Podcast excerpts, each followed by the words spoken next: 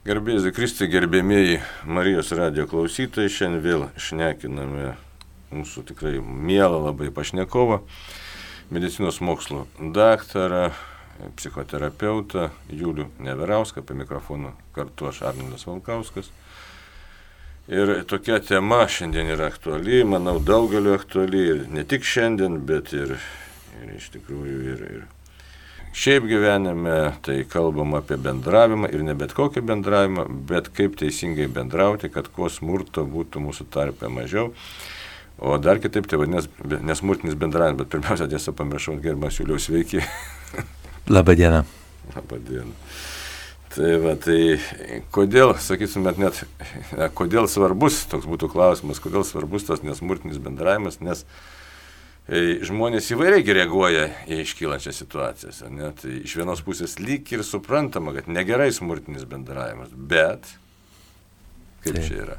Tai jau kelinti metai mes gyvenam tokiuose ypatingose situacijose, kur, kur patiriam daug iššūkių, pandemija, šiuo metu karas ir, ir būtent šitose situacijose ryškėja žmogaus prigimtis ne pačia gerąją prasme.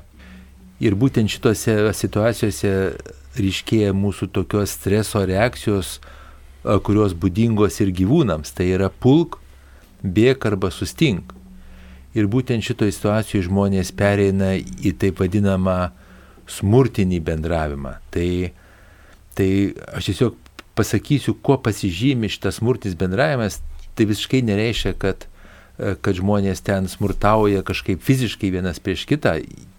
Ir nebūtinai reiškia, kad jie smurtauja, smurtauja žodiškai, kad, pavyzdžiui, keikiasi. Bet tai reiškia, kad jie naudoja vertinimus vietoj faktų įvardinimų, naudoja nuomonės vietoj pastebėjimų, jie apibendrina, jie masto nusipelnimo vadinamų bausmės ir apdovanojimo mąstymų. Jie jie teigia, kad kažkoks tai elgesys jis turi būti baudžiamas, kažkoks apdovanojimas, o tai reiškia kažkokie poreikiai yra baudžiami, o kažkokie tai apdovanojami. Jie kelia reikalavimus daugiau vienas kitam, bet ne savo. Ir labai svarbu, kad tie žmonės atsisako asmeninės atsakomybės ir kalba apie kitus žmonės, kad jie privalo, jie turi daryti ir taip toliau. Tai būtent toks bendravimas įsijungia mūsų uh, mūsų instinktus ir tada mes pereinam į gynybas ir šitos gynybos jos kartais būna e, neproduktyvios ir žmonės labai susipriešina ir susipriešina net artimi žmonės ir šeimose, vat, ir man tenka dirbti ir konsultacijų metu, tai e, darbuose, tai ir tai tampa dar vienu iššūkiu. Ir mums taip sunku, o dar tada atsiranda konfliktai, konfliktai vidiniai, kurie dar daugiau apsunkina mūsų gyvenimą. Taip, tai čia jūs pradėjot kalbėti tokius dalykus, kurie ir iškart klausant nelabai suprantami, dabar pasakysiu kodėl. Man taip atrodo. Nu šiaip e, eiliniam gali būti klausytojai taip atrodo. Dabar kodėl? Todėl, kai mes kalbam, sakom, smurtinis, nesmurtinis bendravimas, tai Pirmiausia, man kas tokia asociacija iškilo, kad štai yra nu, konfliktas, kaip pavyzdžiui, ar gatvė, ar šeimoje, bet kas yra smurtas. Ne? Tai pirma, nu, pirma reakcija, nežinau, gal čia priklauso turbūt ir nuo žmogaus asmenės patirties, e, vaikystės, paauglystės, visos kitos patirties, kas pirmiausia, tai smogi kumščiukam nors į nosį, į veidą ar dar kažkur tai, iškai ir tokiu būdu bandai spręsti problemas. Arba, ką mes matom dabar labai aktualu, ne, tai yra smurtinis sprendimas e, Ukrainoje, tai tikrai tikras smurtas. O tas, kad gali būti smurto kitokios formos, tai truputėlį tokia svetimoka atrodo mintis ir todėl neretai e, žmogus gali pagalvoti, kad štai aš visiškai nesmurtauju, aš sprendžiu problemas tiesiog, o kad tas smurtas, kaip jūs minėt, gali būti visiškai kitoks, koks psichologinis smurtas, ar, aišku, mes girdim apie psichologinį smurtą, bet e, dažnai man, man taip susidaro toks įspūdis, kad žmogus net nepagalvoja, kad jis asmeniškai naudoja tą smurtą. Taip. Šiuo atveju mes kalbam ne apie tą grubųjį smurtą, tą, tą didįjį smurtą, bet kalbam apie tą švelnųjį, bet būtent švelnusis smurtas jis gali būti ir daugiau net ir pavojingas. Nes jeigu mes turim grubųjį, tai mes turim įstatymus, mes galime atsitraukti, taip, bet būtent švelnusis smurtas, tas toksai kasdienis smurtas, jisai labai užteršia mūsų santykius. Tai duosiu pavyzdį. Tu mane žeminė, manęs nemėly, tu blogas esi. Tu Kaltinimai. Tokie. Taip, tai kaltinimas, vertinimas, apibendrinimas, tai yra, tai čia būtent ir priklauso smurtiniam bendravimui. Kažkokia tai diagnozė, tu kvailys esi, arba tu kvailai elgiesi. Tai mes siūlom keisti į pastebėjimus vietoj, vietoj to, kad tu dalės, net ir vaikui, tu blogas mokinys, taip, tai yra jau, galim sakyti, savotiškai smurtinis bendravimas arba gavai blogą pažymį. Net ir toks pasakymas yra, yra smurtinis bendravimas. Hmm. Gavai trejetą, gavai penketą, yra faktinė medžiaga, taip? Mhm. Ir mes atsisakom vertinimų blogas, geras, arba, arba tu mane žeminė. Nes tai nieko nesako, tai, tai sako apie mūsų reakciją tik tai į tą faktą. Bet, bet pasakyt, kai, kai tu sakai man, kad aš ten kvailas ar ne, tai aš tada jaučiuosi, jaučiuosi žeminamas.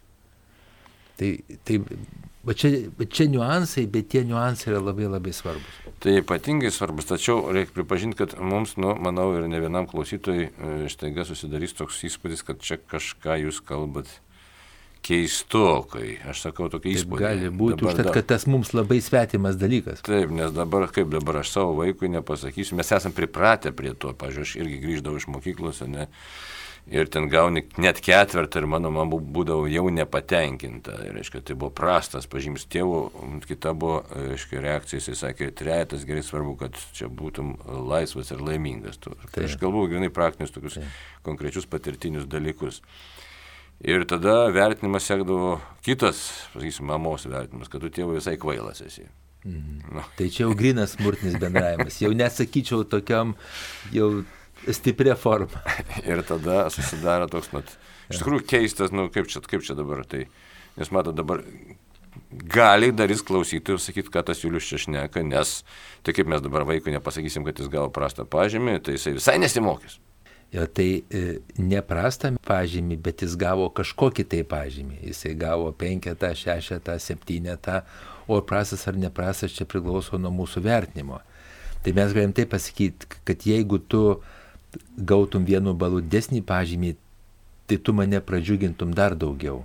Ir aš tikrųjų labai džiaugčiausi. Arba galim pasiklausyti, kaip aš tau galėčiau padėti, kad tu gautum vienu balu geresnį pažymį. Tai toks pasakymas, jisai apeis, apeis vaiko gynybas ir jis pasieks tikslą geriau. Nes, kai sakom, tu, tu gavai blogą pažymį, tu blogai mokėsi, arba tu blogas vaikas, tai tas vaikas iš karto pastato sieną, arba, arba dar blogiau, tai gali kirsti per jo savivertę ir jis iš tikrųjų, nu ir būsiu blogas, ir būsiu blogas kai mes apklausėm nusikaltelius visokius, tai, tai jie tiek kartų girdėjo vaikystėje, kad jie blogi ir taip toliau, kad jie sustapatino su šitą savo rolę. Ir tada jie nori, bet jeigu dar nusikaltėlis yra narcistiškas, tai pasidar smegenyse va taip suturmavo, kad jeigu aš jau blogas, tai būsiu pats blogiausias iš visų. Mhm. Va. Tai gal jūs galėtumėt, nežinau, čia pagal tą mūsų, tiesiog jūsų tas turimą tokią mintį, gal paaiškinti, kuo yra pavojingas o toks smurtinis bendravimas ir kuo jisai skiriasi, kuo kontrastuoja su nesmurtiniu bendravimu. Kad jisai galėtų pasiekmes tas pamatyti. Taip, taip, bet pasiekmes yra, yra pačios svarbiausios pasiekmes yra tai, kad mes tada statom sienas, o ne tiesiam tiltus tarp žmonių. Kai mes įvedam vertinimą, kai mes įvedam kaltinimą, kai mes ir, kad, kad, kad va kitas žmogus privalo, turi ir taip toliau, kai mes netkreipiam dėmesį jo poreikius, į, jo poreikių priežastis, sakyta, kai mes tų poreikių nepripažįstam ir nevalidizuojam, tada mes pastatom sieną su tuo žmogum. Ir tada bendrystė dinksta.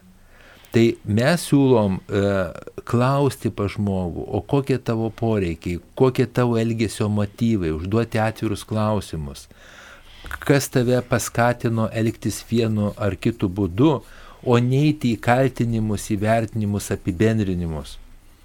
Čia būtent yra skirtumas. Bet, matai, čia toks įdomus dalykas, čia keliariopas jis yra. Dabar žiūrėkit, keli dalykai yra. Sakysim, santykis su vaikais tėvų. Vienas, nu, gali būti elgesio modelis smurtinis ir nesmurtinis. Ir dabar mes girdim daug apie tą nesmurtinį kalbėjimą visuomenį, tačiau susidaro įspūdis, kad kalbama dėl to, kad tik kalbėti. Man toks įspūdis. Nėra tikrojo tokio supratimo, kaip tas nesmurtinis bendravimas turėtų atrodyti, nes neretai jis išvirsta į tokią, kaip dabar pavin, na, vadina žodžiu toleranciją, bet iš tikrųjų tai yra toks atsisakymas tikrojo auklėjimo vaidmens pagal mano tai manimo tai yra. Tikrosios atsakomybės, tai vienas dalykas darbe, kur nors tarnyboje, santykiai, smurtinis, nesmurtinis bendravimas, jisai vėlgi aišku, ir įgauna visai kitokį aspektą. Draugų tarpe, e, kažkokios tai pažįstamų, nepažįstamų, už tai, kad daug tų tokių yra tikrai sudėtingų situacijų, kai mes galim šiek tiek ir pasimesti, jeigu nežinosime pagrindinio tikslo. Tai čia dabar kur yra tas to tikslų reikalas, man toks vaizdas. Mes faktiškai esi, esam dabar mūsų visuomenė orientuoti į rezultatą. Ir aš pagal save tiesiog, nežinau kaip jūs, bet norisi to rezultato pasiekti kuo greičiau, nes mūsų visuomenė spaudžia iš tikrųjų. Nu, konkurencija, tai kiti panašus dalykai. Ir jeigu tu manai, kad šalia tavo žmogus jisai elgesi kitaip ir tavo manimu, nu mano manimu, e, kad toks jo elgesys neduos norimo rezultato ir greitai, tai kyla tam tikra vidinė įtampa, aiškiai, noras kritikuoti ir noras elgtis tiesiog priversti kitą, kad jis duotų man teigiamą rezultatą. Ir Mes tame prisipažinkim, mano tokio pastebėjimo, nežinau kaip jūs gal, ir tikrai praėjus praeina daug žmonių su savo problemom, bet mano manimu šitoks rezultato siekimas, jisai sukelia didžiulę įtampą ir tikrą nepakantumą kitam žmogui. Tai va būtent gali lyginti su diktatūrom. Jos yra veiksmingos ir efektyvios, bet trumpuoju laikotarpiu. Bet jeigu mes kalbam apie kažkokį tai tvarumą, apie ilgą laikotarpį, tai paskirti resursų, laiko, pasiaiškinti žmogaus poreikiam, žmogaus motyvam ir bandyti atrasti argumentus jam, kad jis keistų savo elgesį, ne per prievartą, nelaužant, neverčiant, neprievartaujant jo, bet sukuriant kitą jam motyvą. Tai yra ilgas kelias, bet jisai ženkliai yra tvaresnis ir ženkliai toks etiškesnis. Ne per bausmę, ne per apdovanojimą, ne per prievartą, bet per aiškinimąsi būtent žmogaus ir pagarbą jam. Būtent jeigu mes turim žmogų, iš tikrųjų jo įsitikinimai, jo taisyklės, jo vertybės yra jo, Ir kai mes bandom jam primesti savo va, vienu kirčiu, tai pačiu geriausiu atveju, pačiu geriausiu atveju jis gali elgtis taip, kaip mes norim, bet viduje jisai patirs atskirti ir jis pradės mūsų, mūsų mažiausiai nemėgti. Mažiausiai nemėgti. Ir jis neįsisamonins motyvo, ne? Taip. Taip, jisai nesupras, jis elgesio motivacija bus išorinė. O ji turi būti vidinė motivacija. Tai reikėtų, kad pas mus atsirastų vidinis noras ir aiškus labai žinojimas, dėl ko aš noriu elgtis taip. Kaip, kaip tai būtent subręsti tam tikram elgesio modeliui. Taip, ir tam reikia laiko, ir tam reikia uh, kantrybės, atjautos, tokio darbo, net sovietiniais laikais, kur buvo prievarta, aš atsimenu, kad irgi būdavo, ateina koks nors ir tai atsisėda ir aiškinasi. Ir tai būdavo skiriama šitam laiko, vadinasi tas perauklėjimas. Taip, taip. perauklėjimas. Tai va, tas siūlau va šiuo metu tai dar daugiau skirti tam laiko. Čia panašiai kaip ir tikėjime, galima išmokyti vaiką poterių. Taip. Dievo įsakymą, bet to ir baigėsi viskas. Taip, tai jam būtent atras savastimi. Viduje, kad pas jį atsirastų taip. Bet čia toks labai sudėtingas dalykas. Sunkus. žiūrėkit, reikia tam pačiam asmeniui, kuris nori nesmurtiškai bendrauti, suvokti ir tam tikrus dalykus ir suvokti, kad jie taptų savi. Tai yra turėti kažkokias tai pažiūras ir reikia norėti pačiam aukti ir kitą auginti. Reikia norėti. Aš taip įsivaizduoju. Iš išorės atrodo sunkus, bet iš tikrųjų, iš tikrųjų taip nėra, kad labai sunkus. Už tai, kad jeigu mes prisirišim prie žmogaus tikrųjų poreikių, o ne prie norų, tai tada mes galim tam žmogui parodyti, kad mūsų siūlomas kelias tenkina jo poreikius. Duosiu pavyzdį, bet jeigu jisai nori, nori būti laimingas, ne, arba nori būti vertinamas, arba nori būti mylimas, tai yra daug būdų patenkinti šitą poreikį, ne per kažkokią tai prievartą, ne per kažkokį tai smurtą.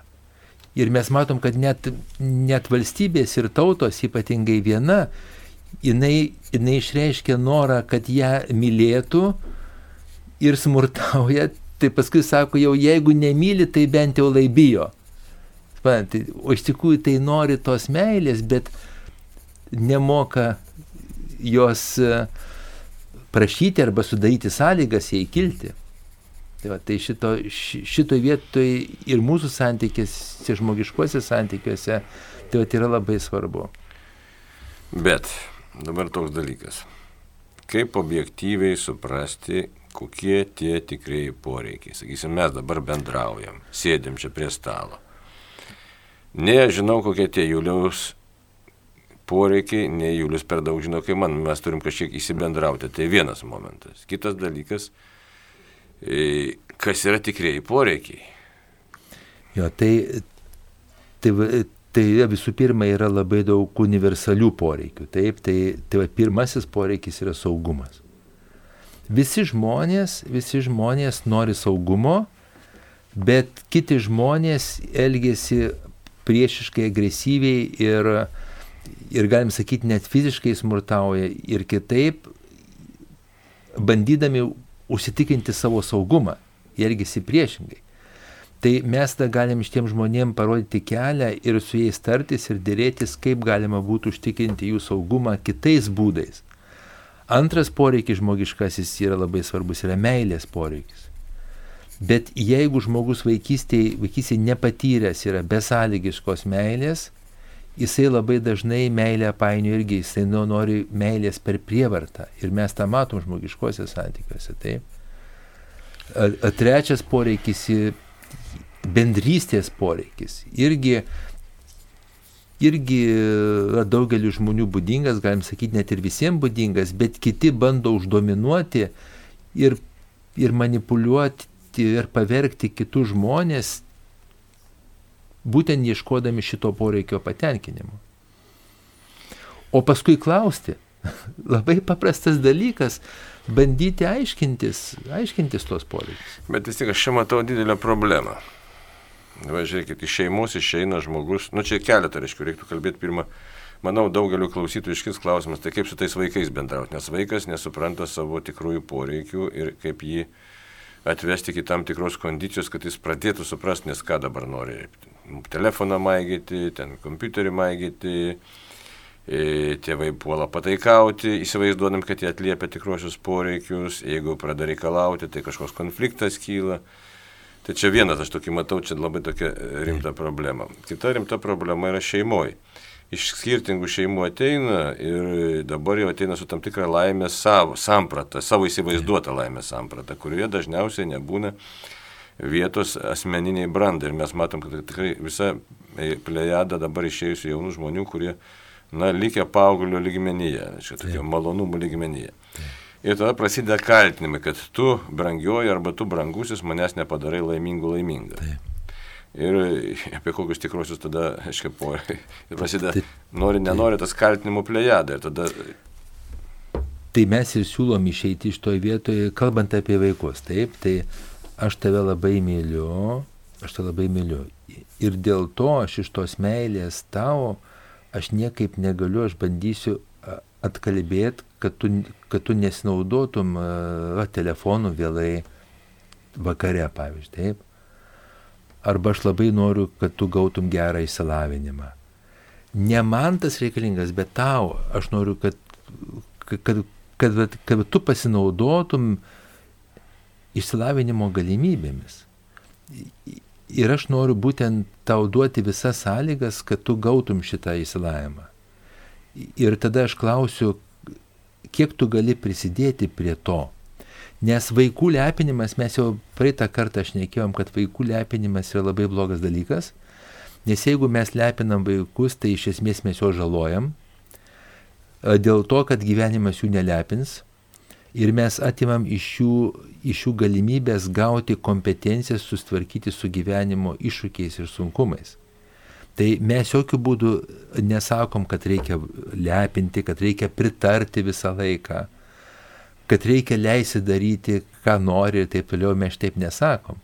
Bet mes sakom, kad, kad mes turim išreikšti rūpestį ir susidomėjimą, mes turim stebėti iš to žmonės, jiem turi rūpėti, mes turim žinoti jų tos poreikius saugumo, meilės ir taip toliau aiškiai išreikšti savo poziciją, kad jie mums svarbus, kad mes juos mylim, kad mes priimam besąlygiškai, net ar gaus geresnį pažymį, ar gaus blogesnį pažymį. Mes juos mylėsim net jeigu, net jeigu išdaužys e, kaimyno langą.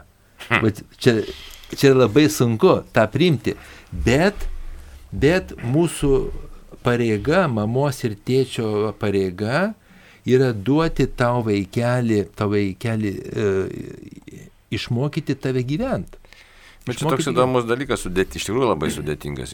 Aš prisimenu jokios tą langą, nes tai aš taip mėgdavau išdikauti ir dabar galvoju. Iš vienos pusės tai kaip čia dabar išeina, lyg tai lepinė ar nelepinė, nes jis kažką blogą tas vaikas padarė ir tėvai tam tikrą griežtumą turi kažkaip parodyti. Ja, tai būtent. Bet kaip čia neperlenkti tos lasdos nei vieną, nei kitą pusę, nes išoriniai būdavo žmonės, pažiūrėjau, Bet tėvai, jeigu užstoja tave, kai tu ką nors pridirbi, tai tada kiti sako, žiūrėk, jūs lepinat tą vaiką ir jūs užstojat blogiame. Jeigu ten pernelyg nu, nubaudžia, tai vėl negerai.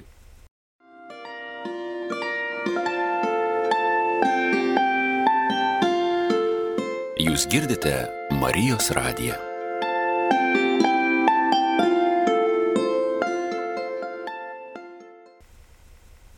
Lepinimas labai dažnai yra nesirūpinimo sinonimas. Lepina vaiką labai dažnai tie, kurie, kurie nori, ai, kad tik tai man nekvarštų galvos.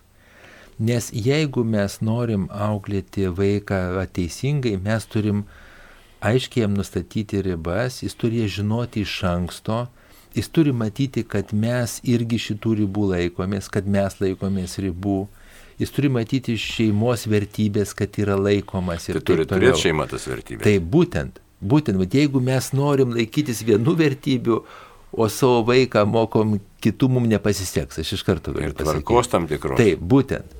Ir tada net ir auklėjimo nereikia.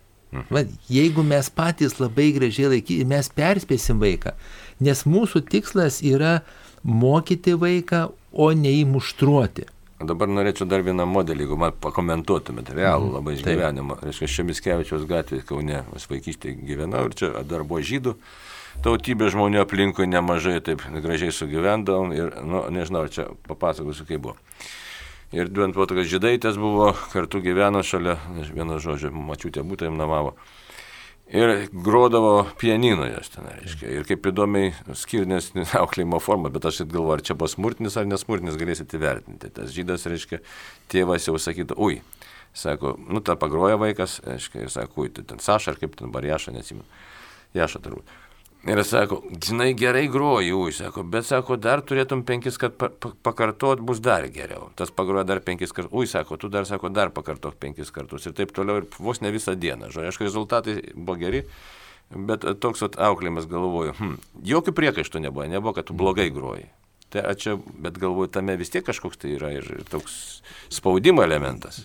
Neaišku, Nes, nes jeigu mergaitės motivacija buvo tapti labai gera pianistė arba gera tenais kažkokia tai muzikantė, tai gali būti, kad visiškai ne. Nes čia, čia būtų smurtinis bendravimas, jeigu jisai, sakyt, ta mergaitė sako, aš noriu eiti, eiti šokti į baletą arba, arba noriu lengvą atletiką, o jis sakys, ne, pasakiau tau, kad, kad grosi ir viskas, čia mano, mano žodis yra paskutinis, aš išlaikau šeimą ir aš, tai, tai būtų tada ta, toks gynas smurtinis bendravimas, bet jeigu ta mergaitė nori groti ir jinai nori sieja savo ateitį su tuo, ir jis ją ir pageria, ir paskatina, dar ir vėl pageria, ir paskatina, ir dabar išgirskim, būna kartu su ją. Mm. Nes kai jūs pasakojate, aš labai, aš labai girdėjau, net įsivaizdavau, kad tas tėtis vaikšto aplink tą instrumentą muzikos ir būna kartu su savo dukra ir jos klauso. Čia yra super. Čia yra labai, va, žydai, tarp kitko mes visi žinom, kad žydai moka auklėti savo. Gal ten visokių žmonių, bet, bet aišku, tokie įstrigo dalykai, žinote. Na, o gerai, o šeimoje tada ateina du nelabai brandus asmenys ir, ir, ir viens kitą kaltina, kad tai čia ką daryti. Pasodinti ir klausti, o kokie jūsų poreikiai yra. Ir tada atskirti poreikius nuo norų. Nes, pavyzdžiui, sako, aš noriu, kad nu, turėti kažkokią tai, ten, nežinau, brangią mašiną arba noriu važiuoti atostogas į užsienį. Tai kokį poreikį tu tenkini su va tokiu elgesiu. Ir bandytis aišti, gal noriu pajausti pranašumą prieš kitą. Tai, tai va yra daugiau būdų įrodyti savo savivertėje, ne? Arba, nu, žodžiu, bandyti, bandyti ieškoti, kokie poreikiai ir pats svarbiausia, bent jau aš klausiau, jeigu jūs kartu atėjote čia, tai reiškia, jūs turite interesą labai aišku, kas jūs jungia. Stinga. Tai vad kas jūs jungia? Ir aš pradėčiau aiškinti su jais, kas juos jungia, kaip jie susipažino, kas viens kitą ten pradėjo žavėti, kodėl susitokė, kas būtent uh, lėmė, kad jie apsprendė susituokti, kokios svajonės buvo, kokios svajonės bendros ir taip toliau. Ir sujungti viską į tą, į tą tokią bendrystę. Bent jau aš taip elčiausi. Kalbam apie nesmurtinį bendravimą ir e, tikrai dar primenu, kad tikrai gali atrodyti keistai, kad štai, sako, mama ar tėtis, ar, ar aš niekada ten rankos nekėliu, net balso nekėliu, o mano artimieji sako, kad aš tai esu smurtautojas. Tai yra kritikuotojas, kaltintojas, kalties sukėlėjas, pats toks, pats toks baisiausias yra, kad jis net nekaltina, bet jisai sukelia kaltę savo vaikams ypatingai arba savo artimiesiems. Tai čia yra pats toksai, tai arba gėda sukelia, taip. Tai irgi, irgi labai smurtinės bendravimo formos. Ir gali, ir gali labai elegantiškai, labai gražiai ir įmantriai daryti tai, be jokio balso pakelimo, bet tai gali labai žaloti tą kitą žmogų. Labai įdomus irgi dalykas yra, sakysim, yra tokia knyga Mano gyvenimas, Mahatmas Gandhi parašyta. Ir aš labai žavėjausi, galvoju, štai kaip jisai sugebėjo pakelti visą indų tautą nesmurtiniam, e, reiškia, pasipriešinimui. Tačiau, labai įdomus dalykas, kalbėjau tada, atsimenu, su šitų, paskui tapus arkivyskopu Lionginu Virbalu, jisai irgi ten studijavo tą, reiškia, Mahatma Gandhi ir sako, ar tu pastebėjai, ką jisai darė, iš tikrųjų ten tai buvo aprašytose ašramuose, ką jis darydavo. Jis reiškia, jeigu bendruomenė, nu, kadangi turėjo didžiulį autoritetą, jeigu kas nors iš bendruomenės asmenų jo e, minčiai ne, nepaklūsdavo, jisai paskelbdavo, kad štai dabar, nu, kaip pavyzdys, sakysim, Julius manęs neklauso. Ir aš paskelbiu viešai bendruomenį, kad štai aš dabar, todėl kad Julius nepritarė ir kan kažkam priešinasi, aš dabar sėdėsiu vidurio aikštės ir tris dienas pasnikausiu ir nevalgysiu. Taip. Ir visi žiūri kaip į priekaištą, aišku, iš pradžių žiūri, kad štai lyderis pasnikauja ir visi tą Julių ima žiūrėti, nu, smerkiančių žvilgsnių. Ir galų galę žmogus psichologiškai palūšta, nusileidžia ir paklūsta. Tai štai tokia buvo kad štai vis dėlto labai keistas paradoksas, kad e, neginkluotas pasipriešinimas buvo okupantams, tuo tarpu viduje tuose bendruomenėse tai iš tikrųjų psichologinis teroras buvo naudojamas. Mhm labai daug žymių žmonių pasižymi tuo, nes jeigu jie sutelkia galę, čia yra daug labai niuansų. Tai visų pirma, jeigu jie nori sutelkti galę, jiems, jiems reikia šitaip elgtis, nes jų tikslas yra toksai. O paskui gaunasi atviršas dalykas, kai jie sutelkia galę, jie pradeda savim perdėtai pasitikėti ir savo galiomis ir jie, jie, jie tada pradeda piknaudžiauti jomis.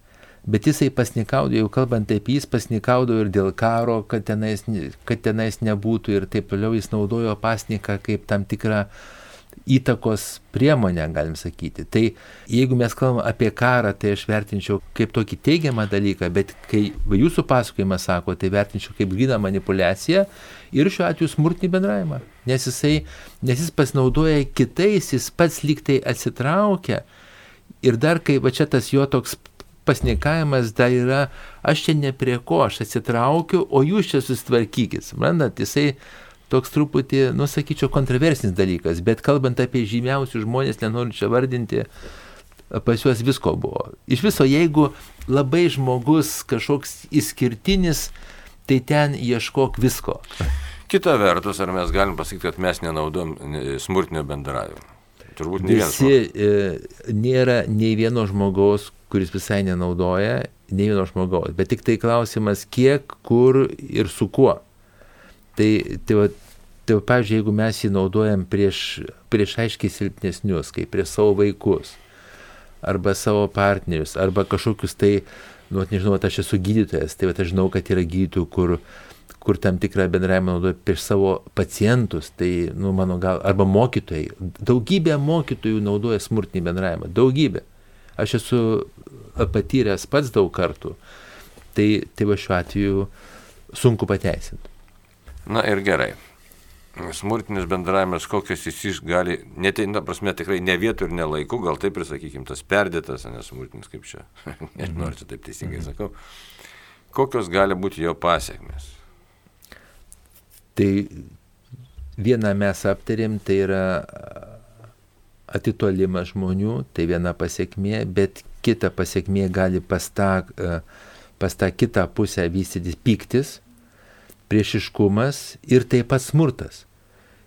Ir mes aiškiai matom aplinkose ir mokyklose ir kariuomenė ir kitur, kad jeigu tik tai yra leidžiamas smurtinis bendravimas, jisai tada užsisuka, galim sakyti, spirale. Ir taip pat, aišku, tai veikia žmonių savivertę ir, ir, ir visuomenę daro žymiai silpnesnė. Ir aišku, tada, tada bendrystė eina į šoną, sutelkimas eina į šoną, etikos principai eina į šoną. Ir, ir tai galim sakyti, žmogiškumas eina iš šono. Ir tai tampa bendravimo norma, tarp kitko, ir paskui labai taip, sunku žmogui priimti, taip, kad taip. gali būti kitokių bendravimo modelių. Vaikai auga taip ir mes matom, kad yra, kad yra tautos ir visuomenės, kur, kur va, tik tai toks bendravimas praktiškai yra. Tai tokiu būdu didžioji dalis visuomenės tampam sužeista visiškai. Taip. Būtent. Ir net neįsivaizduoja kitokio pasaulio. Ir patys paskui pradeda žaisti kitus. O čia pas blogiausia. Na, o kaip bendrauti nesmurtiškai, tada ką, ką mums daryti, nes čia. Pirmas žingsnis yra stebėjimas. Ir kai mes norim, mes tiesiog, bet jeigu mes turim poreikį, mes esam santykyje ir, me, ir tas žmogus elgesi kažkaip tai, kas mums, kas mums netinka, tai mes išsakom tam žmogui kaip pastebėjimą. Aš jau praeitą kartą mes esam irgi kalbėję, kai tu, kai tu naršai savo telefonę va, tuo metu, kai aš kalbu labai svarbius dalykus, tai aš tik tai pastebiu. Nesakau, kad tu blogas, tu, tu niekšas, kad tu manęs nemyli, kad tu manęs neklausai. Aš nesakau. Arba aš tau nerūpiu. Bet aš, aš tik tai pastebiu, kas vyksta. Arba sako, tu ant manęs rėki. Tai irgi yra savotiškai, čia gali jums sunku suprasti, e, klausytoja mūsų, bet tai irgi, irgi yra vertinimas. Bet reikėtų pasakyti, tu kalbi garsiau negu aš norėčiau. Bet aš galvoju, kaip čia dabar vis tiek savo vidų suformuoti, kad išvengtų tokio nu, neteisingo to smurtinio ar bendravimo ir kaip, kaip vidui tikrai subręsti, kad tu galėtum nu, tiesiog užimti tokią poziciją, na, tiesiog, kaip sakot, stebėti, klausti, įsigilinti, neskubėti, nebūti tokiam visiškai orientuotam į rezultatą, nes čiagi labai daug veiksnių veikia. Veikia ir temperamentas, veikia ir paties žmogaus, sakysim, yra ramesnių žmonių, yra kurie, ne, yra kur skuba visur, žinai, nori pasiekti rezultato. Tai kokią viduje reikia nuostatą susiformuoti? Man taip pat pirmoji vietoje tas. Visų pirma, įjungti savo žmogiškumą ir suprasti savo instinktus, apie kuriuos mes šnekėjom, ir juos truputį pasėti į šoną ir jungti savo, žmog, savo žmogiškąją dalį. Tai instinktai griebk, bėk, venk, pulk ir taip toliau yra būdingi gyvūnams. Šitoje vietoje mes elgėmės lygiai kaip kokie, kaip grini gyvūnai. Mhm. O aiškinkis ir suprask, tyrinėk, smalsauk, čia mes elgiamės kaip žmonės. Mąstyk, galvok. tai, tai, va, tai va čia žiūrint, kuria mes lygiai funkcionuojam. Tai, tai aš siūlau jungti savo žmogišką dalį ir suformuoti ketinimą. Aš žinau, kaip religinėse praktikose, bet psichoterapinėse praktikose per mažai dar, bet aš ypatingai populiarinu šitą aiškiai žinoti ketinimą, kad aš ketinu dabar mokytis nesmurtinio bendravimo. Ir aš nuolat prisimenu tai ir nuolat grįžtu prie savo ketinimo ir su permaininga sėkme siekiu to. Nes, nes aišku, aš paslysiu, be jokios abejonės. Bet, bet jeigu mano ketinimas yra kažkoks, tai jeigu aš pravažiavau vieną kartą raudono šviesoforą, tai nėra taip, kad aš visą laiką važiuosiu per raudono šviesoforus, ne? Na, ja. tai vat, mano ketinimas yra aiškus ir aš tada, tada, tada siekiu jo. Nes čia labai svarbu, dabar nemažai jaunų žmonių kreipiasi kartu su tėvais, pas jūs kreipiasi ir Taip. pas kunigus kreipiasi. Taip tokie nelaimingi ir tie jauni žmonės, tėvai stebisi, sako, viską daviau, žinai, ir batų, ir, ir taip toliau, ir nu ko tik nori, suknelių, ten kelnių ir taip toliau. O vaikas manęs neapkenčia. Ir tas vaikas sako, tikrai, šneki su merginam ar vaikinu, ten 15-16 metų ar panašiai, ar ir vyresniai, sako, nu, sako, nekenčiu savo mamos ar savo tėvo. Nors tie atrodo visą gyvenimą tiesiog viską darė, kad patenkintų kažkokius tai ten poreikius ir įtiktų tiem vaikam. O pasirodo, kad tam vaikui reikėjo visiškai ko kito. Ne tuos poreikius tenkina. Ir aš klausiau, o, o kiek tu buvai su savo vaiku? Kiek tu aiškinėsi, kaip jis jaučiasi? Ir kai tavo vaikas grįždavo iš mokyklos, tu klausti vaiko, ar kokį pažymį gavai, ar pastabą, ar klausdavai, kaip tu jautėsi, arba kaip tu jautiesi. Tai vaikai kuriuos mes užtvindom daiktais, jie gali dar desnį priešiškumą mums jausti už tai, kad tada jie dar jaučia, kad mes tarsi, tarsi visai bet atsisakom jų poreikius tenkinti meilės, prisirišimo, buvimo kartu, e, ten bendrystės, o, o juos bandom nupirkti. Toks gaunasi, sakykim, dar blogesnis variantas. Na, bet paprastai tėvai sako, aš tengiausi, bėgau, dirbau ir neturėjau laiko tiem vaikam. Tai va, toks nepasiteisinimas. Tai čia, tai čia galima kalbėti apie vertybės tada šeimoje. Kas buvo vertybė, čia irgi instinktas kaupti ar ne, ten dirbti, gyvenom nepritekliu ir tai, yra, ir tai labai suprantama, kad, kad pa žmonės buvo orientuoti labai smarkiai į, į tuos bazinius dalykus. Bet patenkinus bazinius poreikius, aš manau, kad visada labai svarbu atsigręžti į dvasinius poreikius. Ir šiuo atveju dvasinius pačia plačiaja šito žodžio prasme.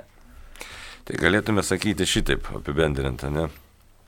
kad tikras nesmurtinis bendravimas įmanomas, tačiau įmanomas tik tada, kai žmogus ieško dvasinių poreikių patenkinimo.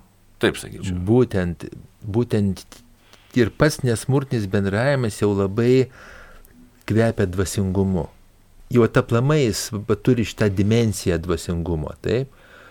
Ir už tai, kad jau, jau aš atsisakau savo, galim sakyti, gyvūniškųjų instinktų, bet atsigrėžiu į savo žmogiškasias galimybės.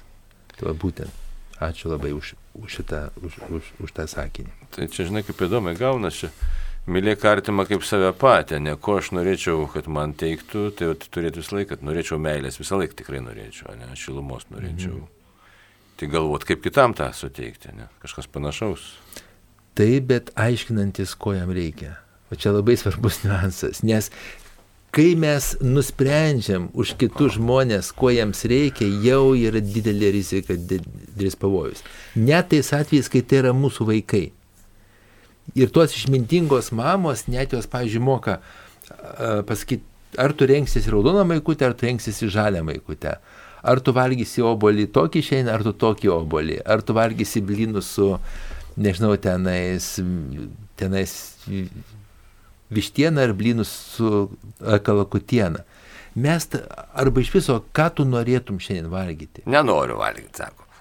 Gerai, aš, aš lauksiu, aš lauksiu, kol, kol norėsi, bet, bet, bet kitas valgymas bus, bus penktą valandą.